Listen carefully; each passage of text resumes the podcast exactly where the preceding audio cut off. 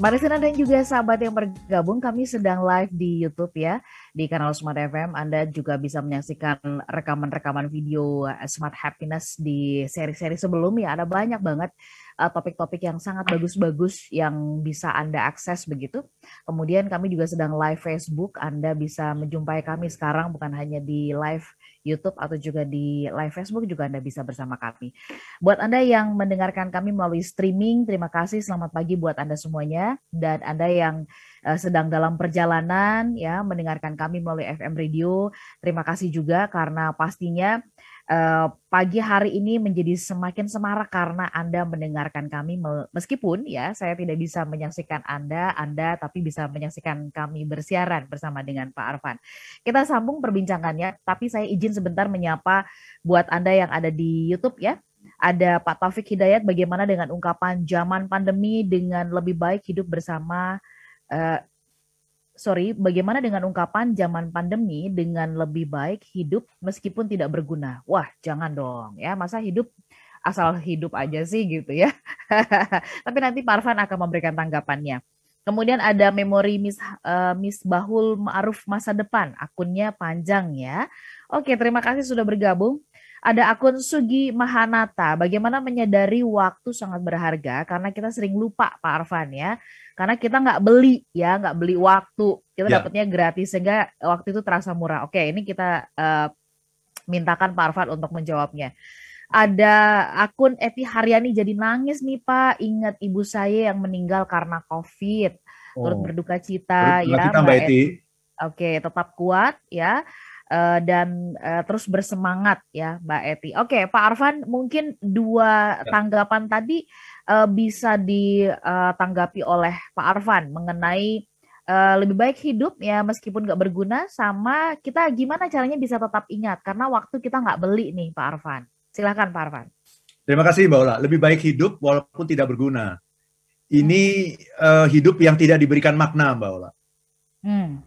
Hidup yang tidak bermakna, tidak berguna, akhirnya bunuh diri kan? Karena ngapain juga hidup gitu? Karena yang dicari manusia dalam hidup itu kan bukan makanan, bukan uang, tapi makna. Bukan makan, tapi makna. ya. Okay. Jadi kalau sudah tidak bermakna, ujungnya orang bunuh diri. Orang bunuh diri itu bukan karena kekurangan uang kan? Uh-huh. Bukan karena kekurangan makan, tapi karena kekurangan makna. Makna. Ya, jadi ini yang harus kita cari nih, yang harus kita temukan dalam hidup kita itu adalah makna. Bahkan penderitaan plus makna itu hasilnya masih jadi happiness. Uh-huh. Penderitaan minus makna itu artinya suffering betul-betul menderita bahkan putus asa kalau penderitaan dikurang makna. Tapi penderitaan plus makna itu namanya happiness. Bahkan kalau uh, nanti teman-teman baca buku ini Your Mindset Your Destiny, di dalam buku ini saya bahkan mengatakan akhirnya saya bersyukur mendapat COVID, Mbak.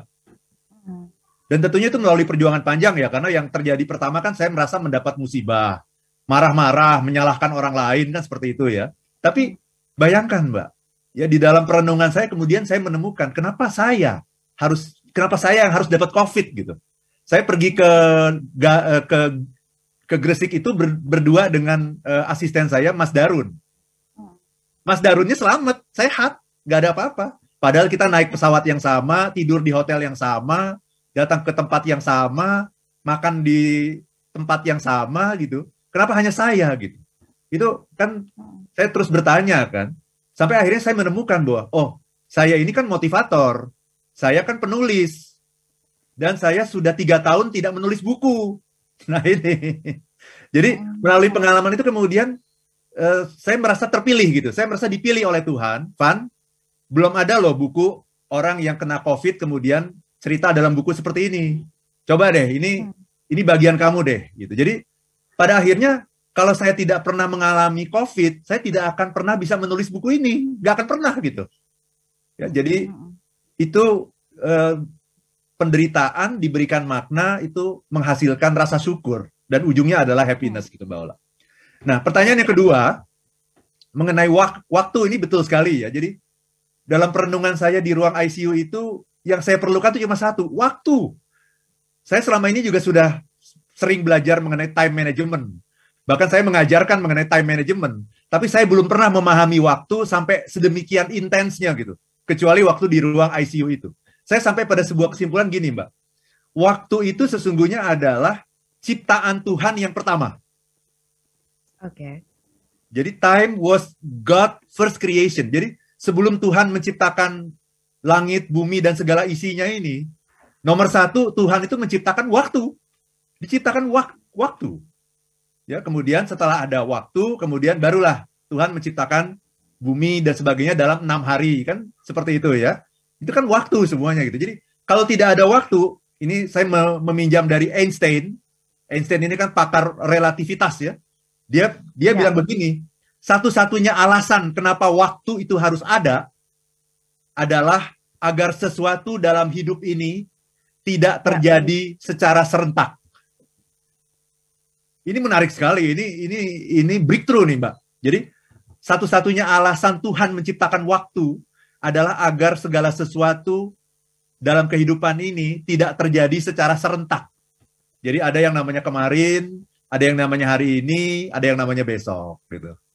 Mhm. Dan di situ manusia bisa melakukan yang terbaik gitu karena manusia yang namanya hidup itu sesungguhnya terdiri dari waktu. Jadi yang menyusun kehidupan ini adalah waktu.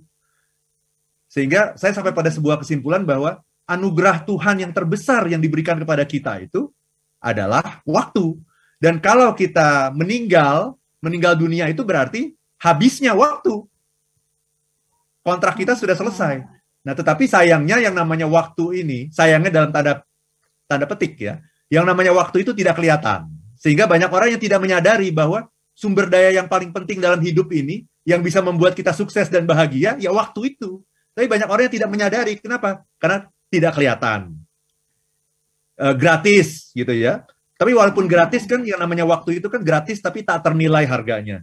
Tidak bisa dimiliki. Waktu itu tidak bisa dimiliki, tapi bisa digunakan. Tidak bisa disimpan, tapi bisa dipakai. Dan yang menarik yang namanya waktu itu, sekalinya hilang ya hilang, Mbak. Itu bedanya ya, dengan, dengan uang. Kalau uang ya. sekalinya hilang kita bisa cari lagi. Kalau waktu sekalinya hilang hilang gitu. Sehingga ketika kita menyadari ini, kita akan selalu cherish every moment gitu. Dan uh, ujung dari semuanya adalah kebahagiaan. Dan kalau kita tidak mendapatkan itu, yang terjadi hanya satu, Mbak. Regret. Hmm, hmm, hmm. Penyesalan, Mbak. Oke, okay, oke. Okay. Ya, ya, ya. Oke. Okay. Sebelum uh, terjadi penyesalan, ya, uh, kita ingin um, tentu ketika ada waktu ini, mari kita uh, berubah. Pak Arfan, uh, saya kembali ke pertanyaan tadi saya sebelum jeda ya. Banyak orang yang nggak percaya bahwa perubahan itu dimulai dari perubahan mindset atau uh, pikiran begitu ya ya. orang berpikirnya uh, ya udah uh, gerak uh, tindakan nyata dan sebagainya saya ingin Pak Arfan uh, mencoba menjelaskan uh, ketika Bapak berubah di mindset itu lantas dia mempengaruhi apa uh, apa yang Bapak rasakan gitu ya gerak Bapak berubahkah kemudian sikap Bapak kepada dokter mungkin terhadap orang-orang uh, di sekeliling Bapak itu menjadi juga berbeda kah atau bagaimana? Silakan Pak Arfan. Very good question Mbak Ola ya. Ketika mindset berubah, semuanya berubah. Semuanya berubah. Karena mindset itu ada di bawah sadar kita gitu. Jadi eh, subconscious mind gitu ya. Dan dia mengendalikan semuanya, Mbak. Ketika saya sadar bahwa waktu sangat berharga. Saya tidak pernah menyia-nyiakan waktu walaupun sedetik pun gitu untuk sesuatu yang tidak berguna gitu. Ketika saya sadar bahwa COVID itu berbahaya gitu ya, itu nggak perlu disuruh lagi tuh ke mana-mana pakai masker dua lapis, pakai face shield sekarang. Itu penampilan saya sekarang kan seperti itu pakai masker dua lapis, benar-benar ketat, pakai face shield lagi.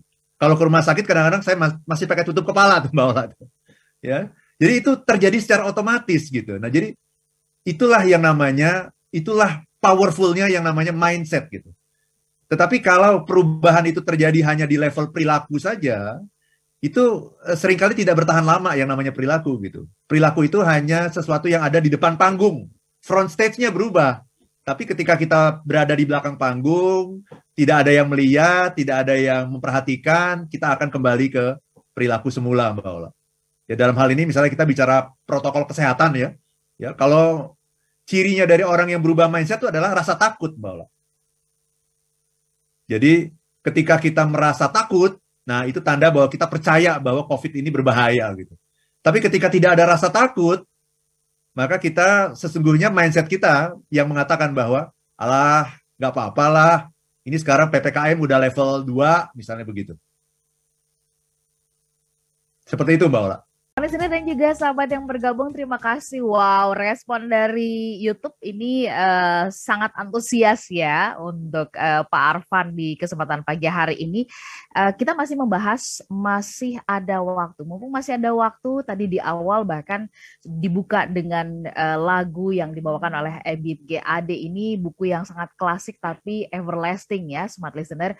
Dan kemudian uh, ini juga menguatkan apa yang akan kita gali lebih dalam ya di satu sesi yang terakhir Your Mindset Your Destiny kisah transformasi pribadi melalui COVID-19 yang ditulis oleh Pak Arfan Pradians ya. Jadi uh, jangan lagi pernah mengatakan, waduh saya kekurangan waktu. Saya jadi ngeri nih ya kalau tadi Pak Arfan bilang nih saya kurang waktu. Dan dikasih Tuhan tuh caranya begini nih untuk punya banyak waktu ya. Oke, okay, smart listener dan juga sahabat yang bergabung di buku ini ya ada uh, ditulis oleh Pak Arfan bahwa tanda ya kan kita pengen tahu nih orang yang berubah mindset itu tandanya apa sih gitu. Kalau di buku Pak Arfan ya dikatakan di halaman 29 tanda perubahan mindset itu adalah rasa takut. Nah, ini Pak Arfan mohon dijelaskan ya supaya ya. Uh, smart listener juga menjadi lebih clear mengenai tanda yang oke okay, makin menguatkan kita bahwa kita sedang uh, berada di jalur uh, perubahan mindset. Silahkan Pak Arfan. Terima kasih Mbak Ola. Um, sebelum menjawab pertanyaan ini, saya juga ingin mengucapkan terima kasih ini kepada uh, beberapa teman, sahabat yang memberikan endorsement kepada buku saya. Yang pertama hmm. adalah kepada Pak Budi G. Sadikin, Menteri Kesehatan Republik Indonesia, yang memberikan endorsement untuk buku saya. Kemudian Pak Sony Hari Harmadi, Ketua Bidang Perubahan Perilaku Satgas Penanganan COVID-19, ya Pak Sony. Kemudian juga uh, Pak Arsyad Rasid, ini Ketua Ketua Umum Kadin yang sekarang. Kemudian kepada Mas Kodari, ya Mas Kodari ini pengamat politik ya, yang juga sahabat saya. Kemudian juga Uda Andrinov, ini uh, adalah mantan menteri uh, dan kepala Bapenas ya, yang juga sahabat saya. Dan satu lagi adalah sahabat saya Mbak Ira Wibowo, ini artis film ya. Jadi um, ini ada endorsement dari uh, keenam orang ini, mudah-mudahan bisa lebih membuat uh, buku ini menjadi uh, lebih kena di hati Anda gitu ya teman-teman semua. Nah, um, perubahan mindset itu tandanya apa? Nah, tandanya adalah feeling, Mbak Ola. Mm-hmm. Jadi kalau kita bicara COVID nih, ini eh, setiap kasus perubahannya bisa beda-beda, feelingnya bisa berbeda-beda gitu ya. Um, kalau dalam kaitan dengan COVID itu tandanya takut. Ketika Anda mm-hmm. takut, berarti mindset Anda percaya gitu. Oke. Okay. Ya, um, makanya saya selalu bicara dengan skala, Mbak Ola. Jadi kalau saya tanya sekarang ke Mbak Ola, dari skala 1 sampai 10, satu itu uh, tidak takut, 10 sangat takut. Mbak Ola berapa nilainya? Uh, skala saya ya, sekarang di angka 8 lah. Oh, oke. Okay. 8, Farhan. Berarti takut kan? Karena saya pernah pernah menanyakan pertanyaan yang sama kepada Mbak Ola dan jawaban Mbak Ola 5 angkanya. Oke. Okay. Nah, kalau ini malah kalau, naik ya skalanya ya. Naik skalanya Mbak Ola sekarang. saya tanya waktu itu ketika saya sembuh Covid tuh bulan bulan Maret. Dari 1 iya. sampai 10 berapa Mbak? 5. Kalau 5, saya ingin mengatakan begini, kalau 5 itu tergantung teman mainnya siapa. Hmm. Kalau Mbak Ola berteman sama orang-orang yang nggak percaya Covid, nanti 5 itu akan menurun jadi 4 tuh. Tapi kalau Mbak hmm. Ola berteman sama orang-orang yang percaya Covid, 5 bisa naik jadi 6 gitu. Itu. Jadi rasa takut itu mencerminkan apa yang terjadi dalam pikiran kita, dalam mindset kita gitu. Jadi Tuhan itu menciptakan yang namanya feeling itu sebagai barometer Mbak Ola. Nah, jadi kalau sekarang Mbak Ola ke angka 8, berarti Mbak Ola dalam beberapa bulan ini mengalami sebuah pengalaman gitu yang mengubah mindset bahwa iya ya COVID ini semakin lama semakin menyeramkan ya gitu. Semakin berbahaya ya gitu. Seperti itu Mbak Ola. Jadi Ya. Uh, kalau ditanya ya, semua, semua orang kan kalau ditanya percaya sama COVID nggak, pasti bilangnya percaya. Percaya. Itu saya bilang itu ya. hanya untuk pencitraan, gitu ya. Karena saya juga dulunya begitu gitu. Saya dulunya juga juga ya. mengatakan percaya padahal enggak gitu. Nah, tapi ketika mengatakan sampai delapan berarti itu benar-benar percaya gitu. Saya sekarang sekarang juga delapan Ola. Ya, dulu saya tiga tuh nilai saya tiga tuh. Makanya kena. Nah, itu makanya your mindset, your destiny. karena nggak percaya nilainya tiga, ya kena, rasakan itu, gitu, nikmati itu, gitu. Tapi kemudian berubah jadi delapan. Sekarang saya sama dengan Mbak Ola, nilai kita sama Mbak berarti kita sama-sama percaya bahwa COVID itu berbahaya gitu. Iya, iya betul Pak Arfan. Itu Mbak Ola. Nah, in, uh, apa kalau tadi uh, Pak Arfan mengatakan ya bahwa tanda dari seseorang itu uh, mengalami perubahan mindset adalah adalah rasa takut gitu ya.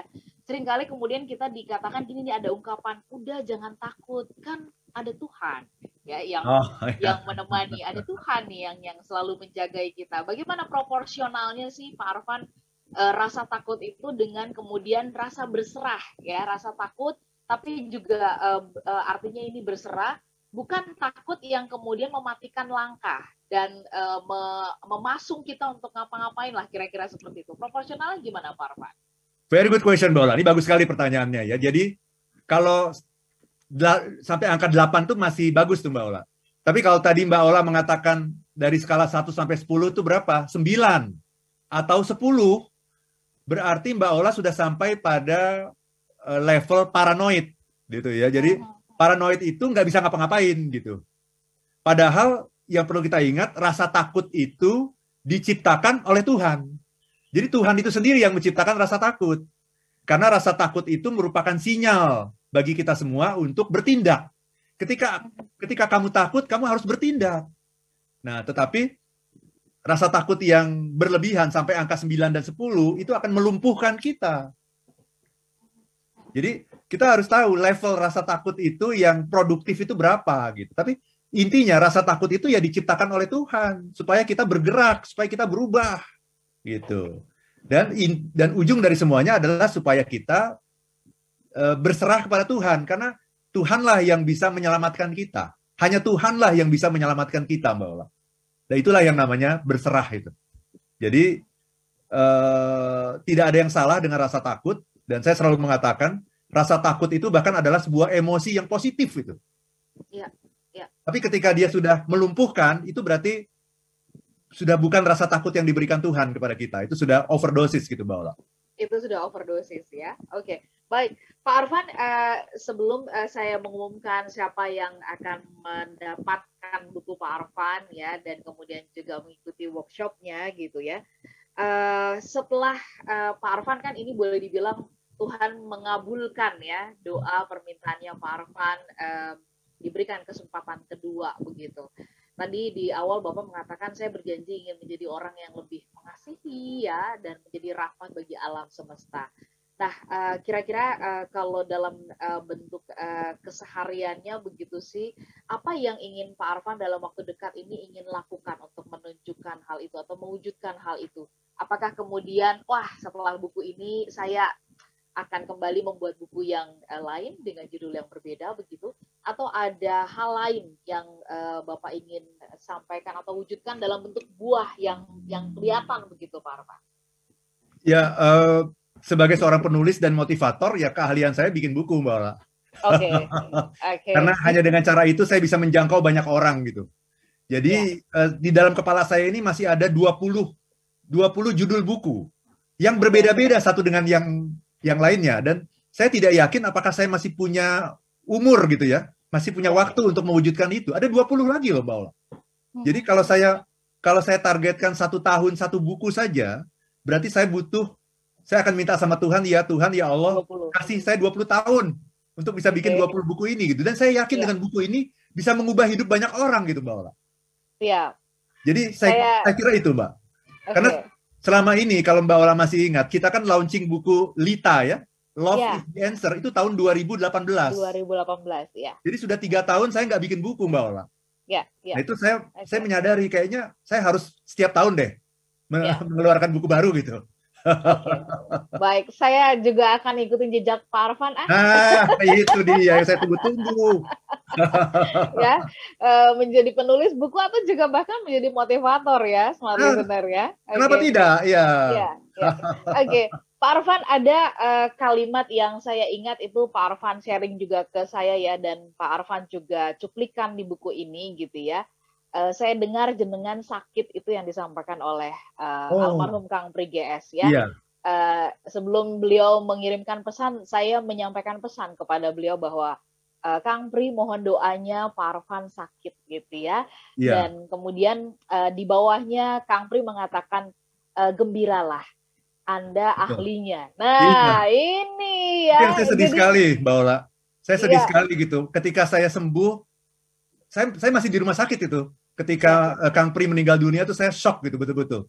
Ya, ya Allah, saya masih pingin ketemu beliau gitu untuk mengabarkan saya udah sehat nih Kang Pri gitu.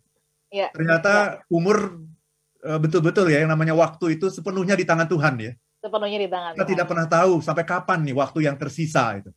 Betul. Siapa tahu itu bisa menjadi salah satu judul Pak Arfan gembiralah gitu ya karena ya. ada ahlinya. Oke, okay. kita tutup ya. Dan saya berikan hadiahnya kepada Pak Taufik tadi di uh, YouTube yang sudah bertanya berkaitan dengan waktu ya. Pak Sama Taufik buat Anda, ya? Ya, nanti Anda bisa follow up ya ke 0812 11 12 959. Rekaman ini tersimpan di YouTube di kanal Smart FM. Kami pamit, saya Lanur Lija. Dan saya Arfan Pradiansyah.